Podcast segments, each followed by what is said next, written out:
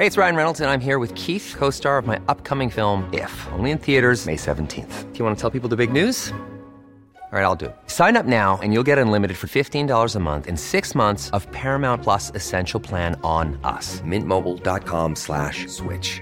Upfront payment of $45 equivalent to $15 per month. Unlimited over 40 gigabytes per month. Face lower speeds. Videos at 480p. Active Mint customers by 531.24 get six months of Paramount Plus Essential Plan. Auto renews after six months. Offer ends May 31st, 2024. Separate Paramount Plus registration required. Terms and conditions apply if rated PG.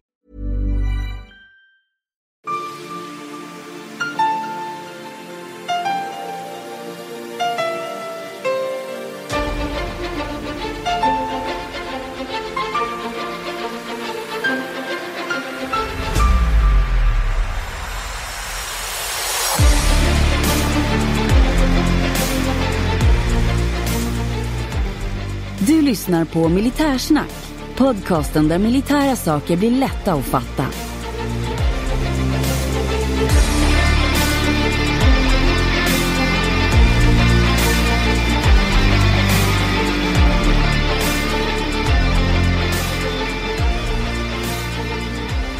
Jajamän löjtnant. Har du din valsedel färdig och framme? Jajamän. Det är bra. Idag ska vi fortsätta vår valpodd och vi kommer att lyssna på Socialdemokraterna och eh, vem får vi höra? Idag får vi höra Socialdemokraternas eh, Niklas Karlsson. Härligt. Vi gick i första avsnittet igenom hur det funkar och därför tycker jag vi går direkt över på intervjun. Det gör vi.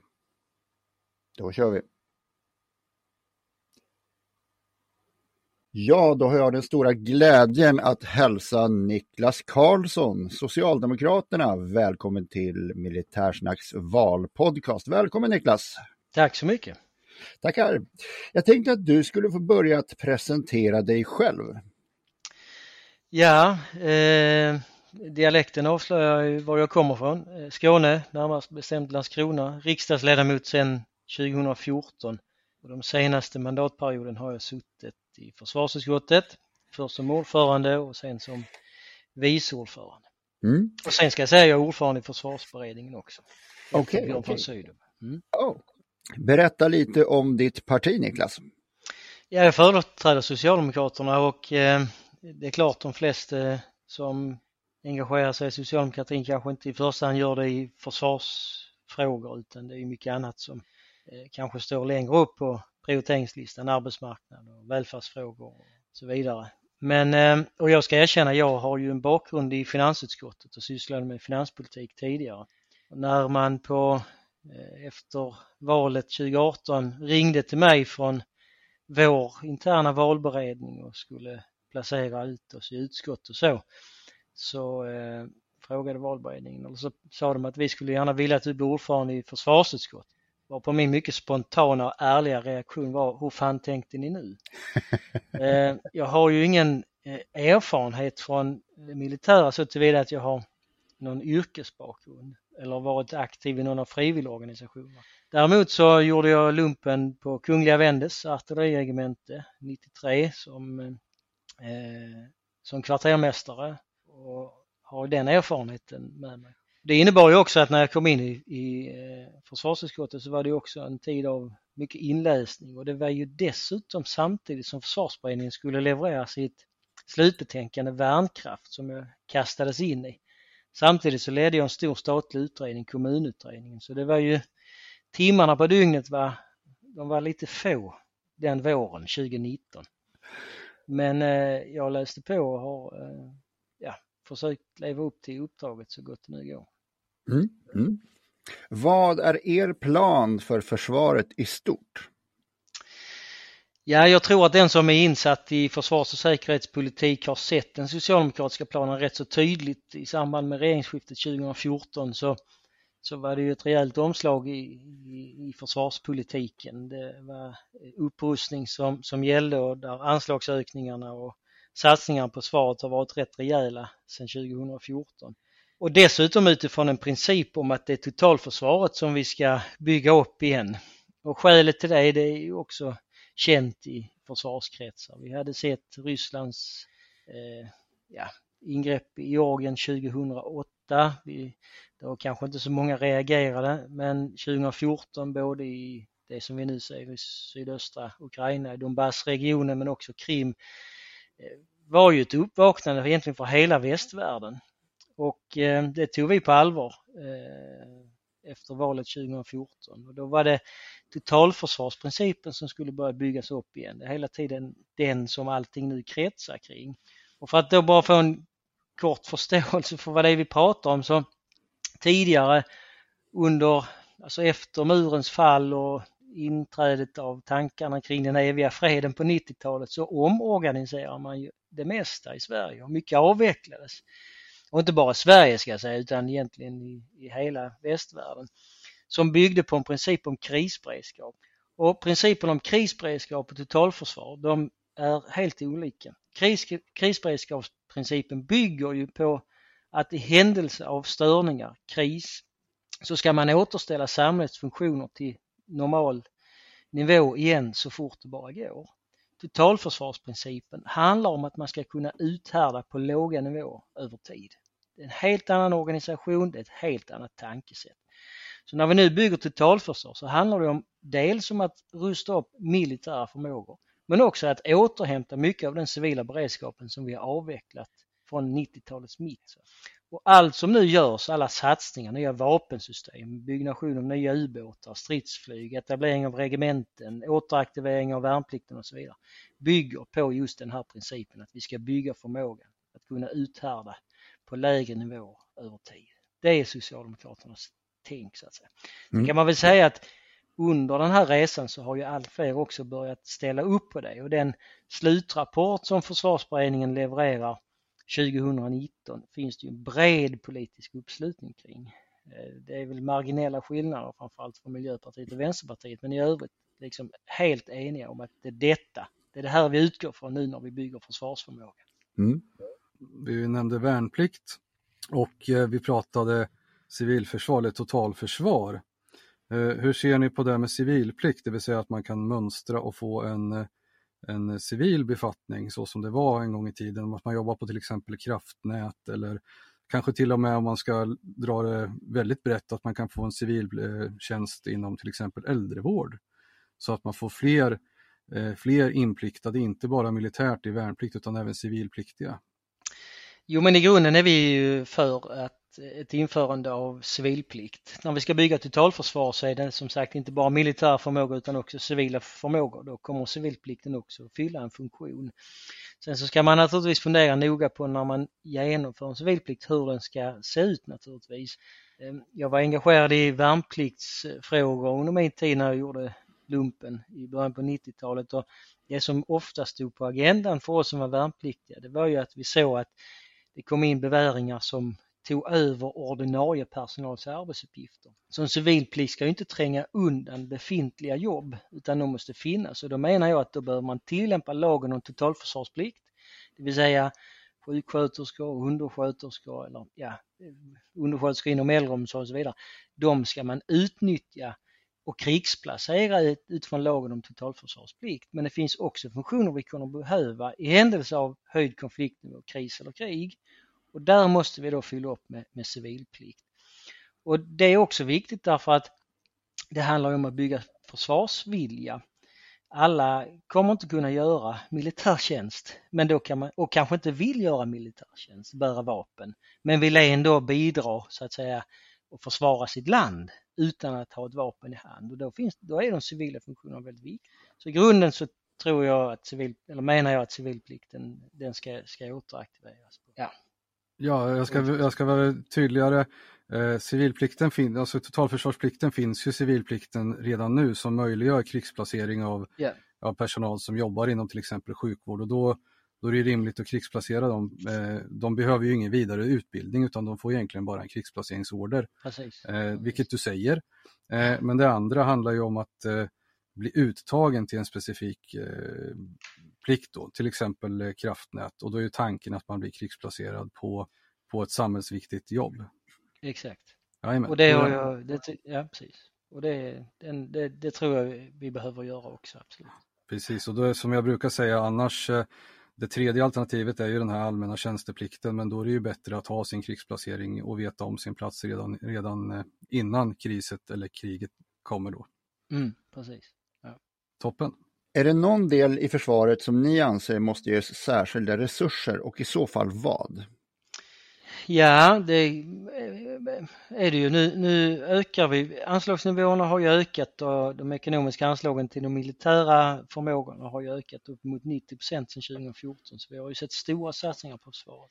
Det fortsätter nu. Vi har sagt att vi ska nå procentet 2 procent av BNP eh, så fort det bara är möjligt senast 2028. Kan man göra det tidigare så är det utomordentligt bra naturligtvis. Eh, och skulle vi höja den anslagsnivån på ett bräde, alltså idag, så skulle det innebära ytterligare 42 miljarder kronor. Det är enorma summor det handlar om. Bara för att ställa det i relation så vet vi att hela polisväsendet kostar ungefär 30 miljarder. Barnbidraget kostar 30 miljarder. Så det är, det är stora anslagsökningar till, till försvaret. Och då är det två perspektiv man ska ha. Det ena är att tillväxten måste ju ske så att man kan omhänderta de anslagsökningar vi nu gör det finns ju en risk att man växer för fort så att säga. Att vi använder pengarna men får inte operativ förmåga. Så därför har ju Försvarsmakten väldigt tydligt uppdrag att återredovisa till både regeringen och till riksdagens försvarsutskott hur man kan omhänderta pengarna så fort det bara går så att man får en hög tillväxttakt samtidigt som man får operativ förmåga. Och i det arbetet med att omhänderta de pengarna så är det viktigt att vi fortsätter att fylla på så basplattan verkligen finns där, att vi omhändertar personaltillväxten och klarar av den och att vi klarar av värnplikten. Bortom det så finns det andra domäner eller frågor som jag tror kommer växa i betydelse som vi måste ha ögonen på och det är framförallt Eh, vår underrättelseförmåga och vår cyberförmåga. Och där skulle man också kunna kasta in en ny domän som håller på att växa nu i, i betydelse och som jag tror att det är viktigt att vi ska försöka vara med på där det finns väldigt goda förutsättningar, inte minst med tanke på vårt geografiska läge och det är rymdförmåga. Så de tre tror jag är viktiga framöver bortom så att säga det vi redan nu gör och fylla upp. För vi är ju inte framme än va? Basplattan är inte riktigt färdig. Vi har en del saker nu i etableringen av, av regementen. Så. Sen kommer vi ha andra förmågor som behöver öka i styrka. Jag tror att vår luftvärnsförmåga kommer behöva bli bättre. Vi satsar nu på Patriot-systemet men jag tror att inte det är tillräckligt. Vi fyller upp med Archer. Jag tror det är, är det 60 eller 70 pjäser vi, vi kommer ha när vi är färdiga. Det där bör man också beakta så att säga. Och sen måste man se till så att marinen får den tillväxt de behöver. Där är ju också stora behov i marina förmågan. där vi tidigare har haft väldigt stort fokus på Östersjön naturligtvis, men där bland annat försvarsministern tillsammans med sina nordiska kollegor nu för någon vecka sedan gjorde ett utspel om behovet av Västsverige, alltså Göteborg och inte minst Öresund som är inloppet till, till Östersjön. Så att det, är, det, är, det är mycket vi ska, ska, ska göra, de här pengarna kommer behövas för att klara av det. När vi mm. pratar, mm.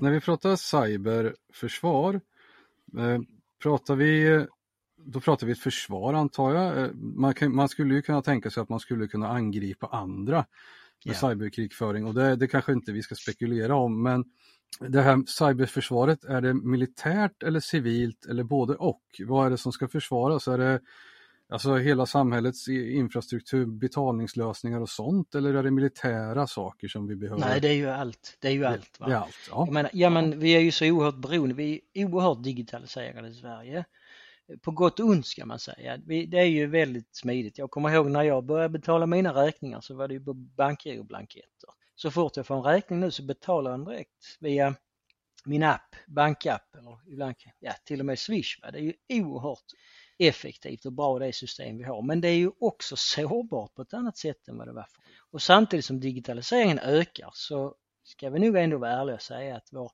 cybersäkerhet har inte riktigt hängt med. Så sårbarheten har ju ökat samtidigt som vi har gjort förbättringar i vår digitala förmåga eller vår digitala infrastruktur. Och den är ju både militär och civil. Så när vi pratar om detta så är det ju totalförsvarsprincip, det vill säga både militärt men också de civila förmågorna. Du pratar om det finansiella systemet. Oerhört centralt men ta vår eh, infrastruktur inom energiförsörjning till exempel. Den är också i stor, stor utsträckning digitaliserad och där måste vi också ha förmåga att kunna skydda. Ja, mm. tackar vi för svaret. Jag ska göra några mer nedslag. Vi har ju pratat värnplikt och eh, då måste jag fråga hur, ska vi, hur, tänker, eh, hur tänker ni om stående förband kontra värnplikt? Eh, utesluter det ena det andra eller ska vi ha båda? Det är en fråga. Eh, den andra frågan är om man då är kontrakterad soldat i ett stående förband. Eh, just nu pratas det om att man max får jobba de här 12 åren. Hur ser ni på det kopplat till att Försvarsmakten ska växa och rekrytering? Våra stående förband, alltså K-soldater, de har vi ju haft och de fyller en, en viktig funktion i vår försvarsförmåga. Så de kommer väl ser jag inte att de kommer avvecklas, avvecklas utan de kommer finnas med över tid när vi, när vi nu bygger upp det militära försvaret. Men den stora tillväxten nu den sker ju i värnplikten när vi ska nå upp till 8000 beväringar och jag menar ju att antalet värnpliktiga bör öka ytterligare och gärna rejält. Och ett starkt skäl till det, det är just försvarsvilja. Alltså om vi jämför eller på något sätt ser vad som händer i, i Rysslands förfärlig, förfärliga angreppskrig mot Ukraina så är ju den ryska krigsmakten numerärt mångfalt större än den ukrainska. Och ändå så har man ja, kört fast men man möter ett motstånd som man inte riktigt hade räknat med. Och det beror ju på att man har någonting i Ukraina som Ryssland inte har, alltså försvarsvilja, viljan att försvara sitt eget land. Och det bygger man med, vill jag påstå, bland annat värnplikt och därför är värnplikten oerhört central. Sen, och då kan man säga här är ju utmaningar detta, för ska vi nå upp till 8000 och kanske, ja, man har 10-15 000 värnpliktiga, eller var de nu ska sluta, så kommer det bli en utmaning med tillväxten därför att de här soldaterna eller värnpliktiga ska ju utbildas. Och det innebär att vi måste också personal, alltså officerare som klarar av det. Och det blir också en utmaning för där släpar vi lite grann efter så att vi måste verkligen lyckas omhänderta detta så att vi kan liksom ta emot den tillväxt inom värnplikten som sker. Eh, och rekrytering, ja det är också en utmaning och eh, jag kommer ihåg när jag, när jag mönstrade i början på 90-talet då fanns det ju en del som, som inte ville göra värnplikten och det har det väl alltid funnits men i grunden var det ganska självklart att man skulle göra det. Det var liksom inget konstigt utan alla mina föräldrar och generationer för mig när så fort det var någon fest så var det ju alltid något värnpliktsminne som man pratade om. Va? Ofta de goda såklart. Då. Roliga historier och så. Så det, det, var ju en del av identiteten. Det är ju det jag blev uppväxt med. Jag har en dotter som är 22 och en son som är 20 nu jag kan ju höra på dem och framförallt deras kompisar att det där med göra lumpen, värnplikt, vad ska det vara bra för? Alltså vi har ju skapat ett helt annat samhälle med en generation som växer upp där, där det snarare handlar om att förverkliga sig själva och där man ska bli influencer eller artist. Va? Det här med att eh, solidariteten att försvara sitt land, att vi har någonting gemensamt som är vårt som vi ska ta ansvar för, den finns inte där på samma sätt. Och därför är just det här att bygga försvarsvilja oerhört viktigt. Och därför menar jag att värnplikten är central. Sen det här med stående förband, K-soldater. Ja, det där har ju uppstått en politisk diskussion och vi, när det infördes så var man ju överens om att det var tidsbegränsat därför att vi inte vill ha, vi inte vill skapa ett system där man är så att säga soldat, yrkessoldat hela livet utan det är en, en period under sitt liv som man är yrkessoldat. Och den principen tycker jag är rimlig i grunden. Så min utgångspunkt är att 12 år, 8 plus 4 va, det är någonstans rimligt, eh, tycker jag. Men det finns ju också de som tycker att man skulle lätta upp på detta. Men jag är ännu inte övertygad om att det är rätt väg att gå. Utan stående förband med K-soldater med den tidsperiod som nu finns samtidigt som vi växlar upp värnplikten rätt så rejält. Det, det tror jag är, är det bästa just nu. Ja, och värnplikten eh, skapar folkförankring, försvarsvilja och en rekryteringsbas. Ja. Det kan jag inte säga emot. Eh, det andra ska jag inte säga emot heller. Eh, det är väl framför diskussionen som går inom Försvarsmakten om den här 12-årsregeln är väl framför allt eh, Alltså skyttesoldat i 12 år, då är man ganska sliten och då har man haft ganska god tid att fundera på om man vill läsa till specialistofficer eller sådana mm. saker. Utan det, mm. det, som sätter lite käppar i hjulet som jag har förstått det, det är framförallt bevakningssoldater och sådana specialkompetenser då där man, där man inte sliter så hårt på kroppen som, som övriga. Det är väl det som det har varit lite skriverier och så om främst vad jag har förstått. Mm. Som en kommentar. Jo, men och så kan det vara. Och det, dessutom är det väl så, om jag har förstått det rätt, att många av de här K-soldaterna slutar ungefär samtidigt nu. Va? Det är många som, som då trillar bort, att det blir ett tapp och att det är en utmaning som vi måste ta hand om. Och det har jag stor respekt för. Det måste ju naturligtvis politiken diskutera och fundera på vad vi ska göra åt det så att vi inte tappar i vår tillväxtförmåga och att bygga eh, det här, alltså att vi inte tappar heller i, i operativ förmåga. Sen kan man ju naturligtvis vikta det, va? det är ju olika. Vissa är skyttesoldater som du säger som är rimligt med 12-årsregeln men det kan finnas andra funktioner där man kan fundera kring detta. Jag stänger inga dörrar där, det kan man absolut diskutera. Men, och det här tror jag är viktigt, du nämner det själv, att under de här åren så har man haft möjligheten att växla över till officersutbildning och specialistofficer och där borde vi kanske bli bättre då på att verkligen fånga upp att vill man fortsätta med detta bortom 12-årsgränsen så vill vi gärna att man väljer banan som specialistofficer. Det är också en utmaning som man, jag tror vi behöver fundera över.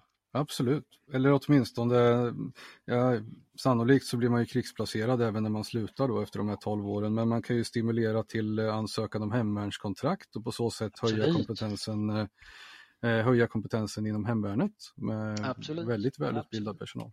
Absolut.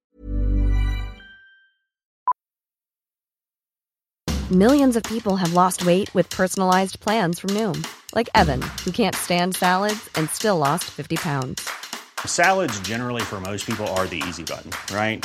For me, that wasn't an option. I never really was a salad guy. That's just not who I am. But Noom worked for me. Get your personalized plan today at Noom.com. Real Noom user compensated to provide their story. In four weeks, the typical Noom user can expect to lose one to two pounds per week. Individual results may vary.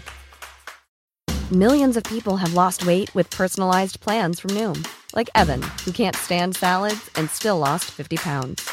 Salads, generally, for most people, are the easy button, right? For me, that wasn't an option. I never really was a salad guy. That's just not who I am. But Noom worked for me. Get your personalized plan today at Noom.com. Real Noom user compensated to provide their story. In four weeks, the typical Noom user can expect to lose one to two pounds per week. Individual results may vary. Eh, ser ni det som att eh, Sveriges närhet till Ryssland är, ett särskilt, eh, är särskilt problematisk och kräver särskilda lösningar i nutid? Det här är ju en diskussion som tangerar diskussionen om alliansfrihet och NATO-medlemskap. Finland och Sverige har ju varit alliansfria och stått utanför NATO. Allt i akt och mening att hålla nere hotnivån och liksom sänka Rysslands intresse av att, att angripa oss. När Finland fattade beslut och drev på att man skulle öppna upp dörren för ett medlemskap i NATO och lämna alliansfriheten så innebar ju det också att vi hamnade i ett annat läge därför att hotbilden såg annorlunda ut. Och därför har vi då valt att söka medlemskap i NATO. Så Rysslands närhet med eh, Finlands ansökan om NATO-medlemskap har ju naturligtvis gjort att det uppstår ett annat intresse i det här området. Till det kan man lägga eh, de förändringar som vi ser norr om Sverige, alltså i Arktis, som får ett helt annat säkerhetspolitiskt intresse. Och då inte bara från Ryssland utan också från Kina. Vill jag. Så det säkerhetspolitiska läget har ju förändrats över tid och eh, det här måste vi naturligtvis förhålla oss till. Så det innebär ju att vi måste ju, vi måste ju fundera på vilken roll vi ska spela när vi nu växer i eh, när vi satsar på att bygga upp totalförsvarsförmåga och militär förmåga. Och, och särskilt när, när Ryssland visar upp en bild som, som vi tidigare inte har sett. Går man tillbaka i historien så kan vi ju vara efterkloka och konstatera att Vladimir Putins Münchental 2007 är ju egentligen vattendelaren men det är först sju år senare som vi reagerar. Och det kan man ha synpunkter på kanske säga att det där borde vi varit snabbare på. Men det kan vi inte göra någonting åt. Men det är klart med den inriktning och med den statsledning som finns i Kreml och med de förändringar som vi ser med Finlands ja, byte av säkerhetspolitisk linje och därmed konsekvensen av att vi också behöver göra det samtidigt som det förändras upp i Arktis så måste ju vår försvarsförmåga fortsätta. Och det är en av anledningarna till att vi säger 2 av BNP. Och där ska man ju ändå vara ärlig så även om det är väldigt mycket pengar, så utesluter inte det att vi om ett antal år kanske måste fundera på att höja anslagen ytterligare. Jag säger inte att det blir så och det här är liksom inga löften, men jag tror att vi måste ha den beredskapen. Därför det går, går väldigt fort just nu. Och ytterst handlar det om att värna vårt sätt att leva. Alltså, men, så här, Ryssland angriper Ukraina utifrån föreställningen att man vill återupprätta den ryska stormakten. Och då vill man återbörda de gamla ryska sovjetiska staterna till familjen. Och det är inte bara Ukraina, det är andra länder. Det är Georgien, det är Moldavien, det är stanstaterna och så vidare. Och vad är det som säger att det slutar där? Och det är det som gör att säkerhetsläget är så svårbedömt, att hotbilden ser helt annorlunda ut och att den har ökat mot Sverige. Och då måste vi ju markera, vi är inte beredda, vi är beredda om Ryssland skulle få för sig att angripa Sverige därför att vi kommer med näbbar och klor försvara vårt land och vårt sätt att leva. Det är ytterst det det handlar om. Vill du, vill du utveckla det här med, med Arktis bara ytterst kort för, för lyssnarna? Eh, att det kan vara nästkommande liksom, konfliktzon eller område. Vad är det då? Är det naturresurser eller var, varför? Och vi blandade in Kina lite där på ett hörn. Vill du kort bara kommentera det? Men, eh, ja, det kan jag. Alltså, om man då ser det i ett större perspektiv bortom Ryssland så, så ser vi ju Kina som, som är en eh, enorm ekonomi. Det är bara en tidsfråga innan det är världens största. De rustar rejält sina militära förmågor. I första hand har de väl sitt fokus på Sydkinesiska sjön.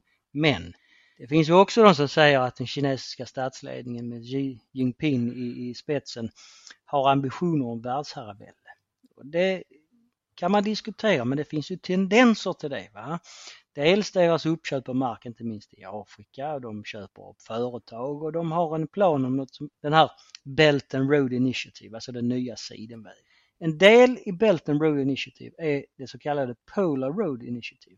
Det vill säga när isarna smälter i Arktis så öppnas farlederna upp där. Det innebär att från Kina kan man Eh, där distansen att ta sig ut så att säga mot Europa och mot USA, den blir kortare. Man behöver liksom inte segla hela vägen runt, runt eh, Asien och Afrika utan man får en mycket kortare väg. Det gör ju att intresset från både Ryssland och Kina växer det här området.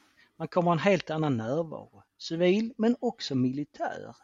Och det gör ju att vårt fokus som tidigare i första hand kanske har varit på Östersjön och delvis Öresund måste nu också tillsammans med Finland, Norge och kanske Storbritannien då fokusera på det som händer i Arktis därför att närvaron där kommer öka påtagligt. Tack så mycket. Vad anser ni skulle trygga Sveriges position i Europa mest just nu? Ja, men det, så här då, svaret på den är ju eh, eh, NATO-medlemskapet. Det är ju den vägen vi har valt och det är ju på grund av det jag sagt tidigare, Rysslands ambitioner för den ryska statsledningen och det som händer i Kreml men också det finska beslutet. Så NATO-medlemskapet har ju omständigheterna gjort att vi på något sätt har, har tvingats in i därför att det är bästa sättet att trygga vår position. Men bortom det, om man får spekulera lite friare och om möjligheterna har funnits där, så är jag ju någonstans lite lockad av det som Tage Erlander egentligen redan pratade om innan eh, Norge och Danmark gick med i NATO, alltså ett nordiskt gemensamt försvar. I första hand Sverige-Finland. Vi vill ju inte Finland är utan deras fokus var ju helt på NATO.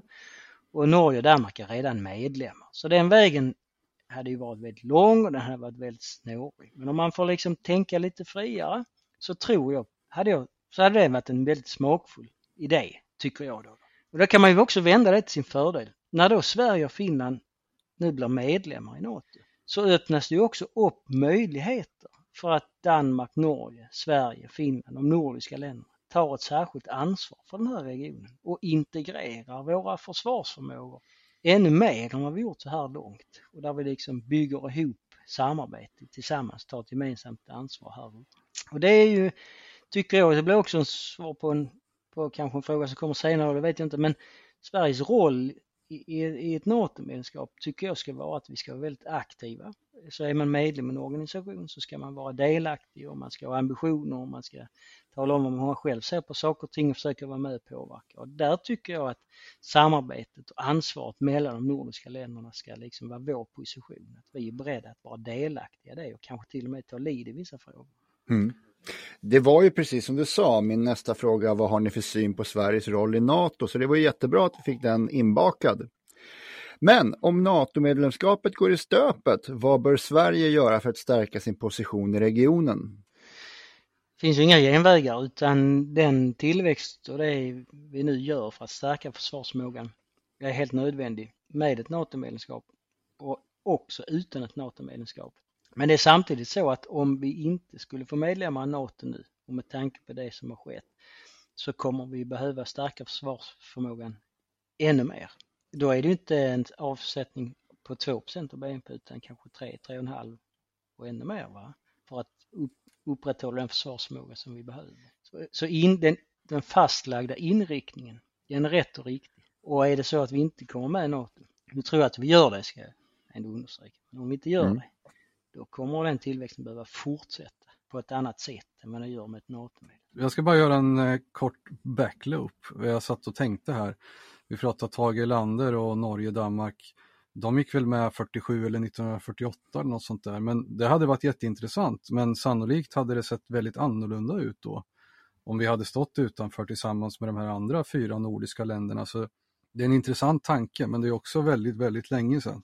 Ja det är det. Och eh, det där med kontrafaktisk historieskrivning, jag är egentligen inte så förtjust i det. Men, men eh, jag tror ändå att, eh, jag menar det är ju så, Sverige, de nordiska länderna är ju väldigt lika. Alltså vi delar i stor utsträckning samma identitet och språken är väldigt snarlika sånär som då på det finska så att säga. Men där vi har liksom en gemensamhet och en samhörighetskänsla som, som är väldigt stark och som går långt tillbaka i historien och som jag tror det hade funnits möjlighet att, att bygga vidare på. Men det är, det är förbi, det är inte längre realistiskt, men i NATO-arbetet när vi väl är medlemmar så tror jag att man ska ta fasta på det som vi har gemensamt, inte bara geografiskt utan också identitetsmässigt. Precis, det var väl egentligen nästa spin-off på det. Jag tänkte säga att nu kan det ju bli en verklighet men under ett annat paraply så att ja, säga. Exakt, mm, exakt. Mm, mm, mm.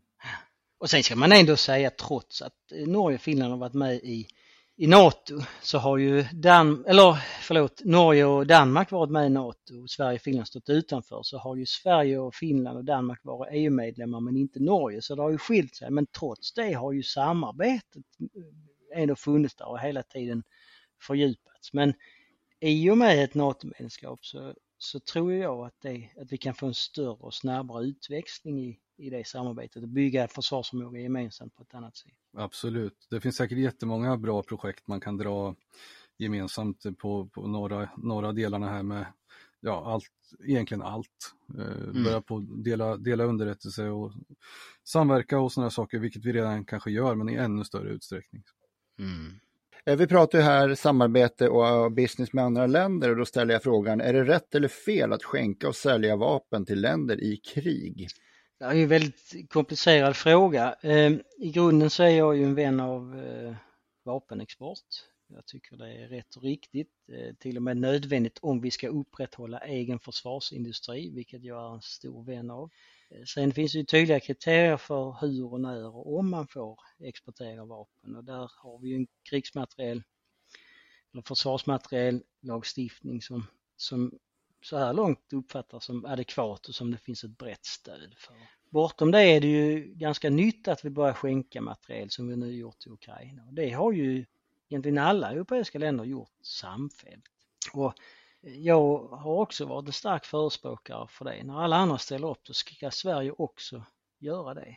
Det vi har sagt från svensk sida det är ju att när vi gör det så får det inte påverka vår operativa förmåga. Vi behöver ju saker och ting själva också. Så det vi nu skänker det är sånt som vi kan återhämta ganska snabbt så att vi inte äventyrar vårt egen försvarsförmåga. Så att eh, jag tror att man måste ta ställning till varje enskilt fall om och när man ska skänka. Men att möjligheten ska finnas där, det tror jag är riktigt. Som Ukraina, där vi mm. då har skänkt det som jag tycker är, är bra. Mm. Du nämner ju där Ukraina och vad om något tycker Sverige bör se till att hjälpa Ukraina med mer? Ja, vi, det där är ju i första hand en fråga för regeringen och tillsammans med Försvarsmakten där man hela tiden har en nära dialog med, med Ukraina och där vi hela tiden tittar på vilka, alltså vad det, vad det är vi har som vi kan avvara och som vi bör av, avvara. Och utgångspunkten är ju hela tiden att vi ska göra, vi ska hjälpa till så mycket vi bara kan med sådant som vi snabbt kan återhämta så att det inte får menlig effekt på egen försvarsförmåga. Och vad det innebär konkret, det kan jag inte svara på. Ehm, dels därför att det som nu pågår diskussioner kring är ju naturligtvis sekretessbelagt. Man kan ju prata om det efteråt men inte innan. Så jag vill vara försiktig med att ge mig in i en diskussion om vad vi ska avvara men att det hela tiden pågår diskussioner, att det kommer lite nytt hela tiden, det, det gör det ju. Och jag, jag tycker det är bra. Mm. Mm. Vi har ju egentligen varit inne på den här frågan, men jag tänkte för ordningens skull ta den i alla fall, för att alla andra har fått den i den här ordningen. Ska Sverige fortsätta utveckla egna vapensystem som exempelvis JAS eller sträva efter att köpa färdigutvecklade sådana? Ja, det, det enkla svaret på den frågan det är ja, vi ska fortsätta utveckla egen förmåga. Eh, men vi kommer också behöva en diskussion framöver, det tror jag att nästa försvarsberedning behöver ta en rejäl diskussion kring. Det är vilka är de förmågorna vi ska utveckla? För på sikt så kommer det bli så dyrt så vi kommer inte kunna göra allt. Alltså att både ha förmåga att bygga eh, flyg, eh, att bygga ubåtar, att bygga korvetter och marinförmåga. Det kommer vi på sikt förmodligen inte ha råd med. Vi kommer inte klara det. Utan där måste man på något sätt välja vad det är vi ska satsa på. Men att vi ska ha egen försvarsindustri och att den är en viktig del för att bygga försvarsförmåga, det, det, jag, det vill jag påstå att det är. Jag vet att inte alla är vänner av försvarsindustrin, men jag är stor vän av svensk försvarsindustri. Mm. Ett, ett eventuellt NATO-medlemskap kanske gör att man eh, att det kommer fler intressenter också och vill, och vill köpa och då kanske man får mer klirr i kassan så att säga att, att driva egna projekt. Ja absolut, det är väl förhoppningen att, vi, att eh, svensk försvarsindustri ska kunna hävda sig väl och kanske till och med utvecklas i ett eventuellt NATO-medlemskap. Sen finns det ju ett samarbete inom Europeiska unionen, både det strukturerade samarbetet PESCO men också eh, försvarsfonden och där det finns lite olika syn mellan de europeiska länderna. Så de har ju kommit till för att vi ska öka rörligheten mellan våra försvarsförmågor i Europa och för att vi ska utveckla europeisk försvarsindustri. Den amerikanska är ju så stor och omfattande men att då europeisk försvarsindustri ska hävda sig. Där är ju en utmaning med att det också finns, ska vi uttrycka det, alltså protektionistiska tendenser va? inom EU. Där framförallt, ja, ska man vara försiktig vad man säger, men det är väl allmänt känt att där framförallt kanske fransmännen då tycker att det är deras försvarsindustri i första hand som ska utvecklas. Vilket gör också att man sätter upp lite hinder för till exempel svensk försvarsindustri som, som också som inte är statligt ägt utan som har ägare som ligger utanför Europa och där man då har satt upp det här med tredjelandsprinciper och så att, att är det inte liksom europeiska ägare så är man också i vissa delar begränsade. Så, så det finns ju lite hinder i detta, så är det och där det finns lite interna, olika, internt olika uppfattningar mellan de europeiska länderna som också kommer att bli en, en utmaning. Som jag vet att vi har både från riksdagens försvarsutskott i full enhet och med regeringen som företrädare liksom drivit på att svensk försvarsindustri ska inte, det ska vara konkurrensneutralitet, va? de ska liksom inte diskvalificeras. Men där finns lite hinder som vi, man behöver beakta och, och hantera så att säga. Men förhoppningsvis kan ett NATO-medlemskap innebära att svensk försvarsindustri kan hävda sig ännu bättre än vad det gjort hittills. Mm. Niklas, tycker du att det är någon fråga jag har glömt att ställa? Eh, Ja, det, nej, så ska jag inte säga att du har glömt en fråga, men om jag får lägga till någonting så mm. jag tror det här är viktigt. Nu sitter vi mitt i en valrörelse. Det är inte många dagar kvar till svenska folket ska välja vilken inriktning vi ska ha, vem som ska leda Sveriges regering. Grunden bygger ju politik på konflikt, alltså ordets positiva bemärkelse. Man har olika uppfattningar, sen argumenterar vi för vår sak och sen fattar vi beslut. Och det är ju positivt, det är ju demokratins kärna. Men när man kommer till frågor om försvars och säkerhetspolitik så är utrymmet för den politiska konflikten något mindre. Möjligheten till att ta ut svängarna är snävare. Det beror ju på att vi måste visa upp en enad front utåt. Det får inte råda någon, får inte råda någon det ska vara fullständigt klart för en eventuell angripare att i händelse av konflikt eller ytterst krig och väpnat angrepp så står vi enade. Det innebär att politiken har ett särskilt ansvar när vi pratar om säkerhets och försvarspolitik. Det vill jag påstå att vi har. I grunden så har vi mycket god samtalston i försvarsutskottet och vi har en förståelse för olika perspektiv och ingångar och vi har oftast haft ganska lätt för överenskommelser, inte minst värnkraft är ett, ett exempel på det. Det här behöver man upprätthålla över tid. Vi behöver liksom vara vuxna i rummet, alla som jobbar med försvars och säkerhetspolitik. Och framförallt så behöver försvars och säkerhetspolitiken vara långsiktig. Det vill säga det vi nu gör, när vi nu satsar, när vi nu ska bygga försvarsförmåga, så gör vi det utifrån kvalificerade gissningar. Om det tar 5-10 år att bygga försvarsförmåga, att bygga ubåtar, bygga stridsflygplan, köpa nya, aktivera värnplikten, utbilda beväringar och så vidare. Det tar tid. Så det vi nu gör är ju satsningar som har effekt om ett antal år. Och det innebär att det är ju hur samhället eller omvärlden ser ut om de åren, om fem år, som påverkar vilka beslut vi ska fatta nu. Vilket gör att det är oerhört svårt, särskilt när läget ser ut som det gör nu, det är väldigt svårbedömt. Så en snäv korridor för politisk konflikt, förmåga till överenskommelse och långsiktighet är mitt medskick till alla de som ska jobba med försvars och säkerhetspolitik efter den 11 september. Om det är jag eller någon annan, det vet jag inte. Men det måste liksom man ha i beaktande. Därför ytterst handlar det om Sverige som land och vårt sätt att leva. Det kan man inte äventyra, om ni missförstår mig rätt, på samma sätt som när vi har en politisk konflikt om vi ska ha vinster i välfärden eller om vi ska höja eller sänka pension. Det skulle jag gärna vilja skicka med. Mycket bra, mycket bra. Jättebra medskick. Ja Niklas, vi börjar dra ihop oss till uh, sista frågan här och det är, har du några avslutande ord till våra lyssnare? Nej, det var väl egentligen det där sista. Uh... Det var så bombastiskt och bra så jag tycker att de flyter ihop. Det var inte meningen att det blev bombastiskt men ja, ibland så dras man med. Men uh, ja. Ja men det var bra, det var jättebra. Mm. Niklas, vi får önska dig så mycket lycka till i valet och tacka dig så mycket för att du kom hit. Jag tackar för att jag blev inbjuden. Väldigt trevligt samtal. Tack för en väldigt bra podd. Mm. Tack så mycket. Tack så mycket. Och med det så säger vi hej då. Hej då, hej då. Hej, hej. Där hade vi Niklas Karlsson för S som vi fick höra. Ja, och imorgon är det fredag och veckans eh, sista avsnitt och då är det Centerpartiet. Aha, och då är det Daniel Bäckström misstänker jag. Jajamensan. Mm. Då gör vi så att vi tackar för idag och så ses vi igen på fredag. Jajamän, tack så mycket. Hej hej!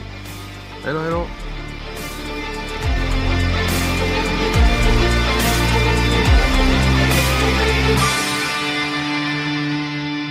Glöm inte att gilla, dela och gärna prata om vår podd med de vänner du tror skulle gilla den. Tack!